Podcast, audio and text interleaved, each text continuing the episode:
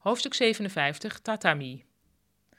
Japanners rekenen in meters, behalve als het om huizen gaat. Dan rekenen ze in vloermatten. Tatami zijn de vloerbedekking in een traditioneel Japans huis. Lichtgroen of lichtgeel, lichtverend, ruikend naar zomer, gemaakt van het uiterst dunne stro van een speciaal soort gras. Je mag nooit met schoenen op een tatami gaan staan, want tussen al die dunne grassprietjes blijft vuil makkelijk achter. Gelukkig bestaan er stofzuigers met een speciale tatami-stand.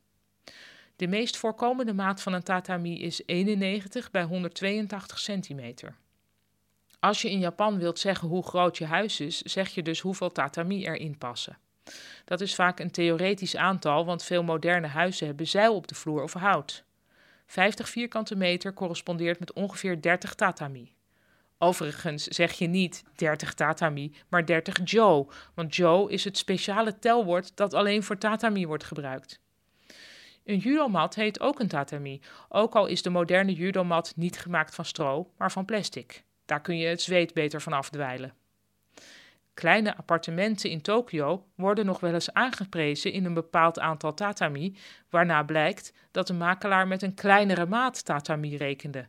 Zo standaard is die mat dus ook weer niet.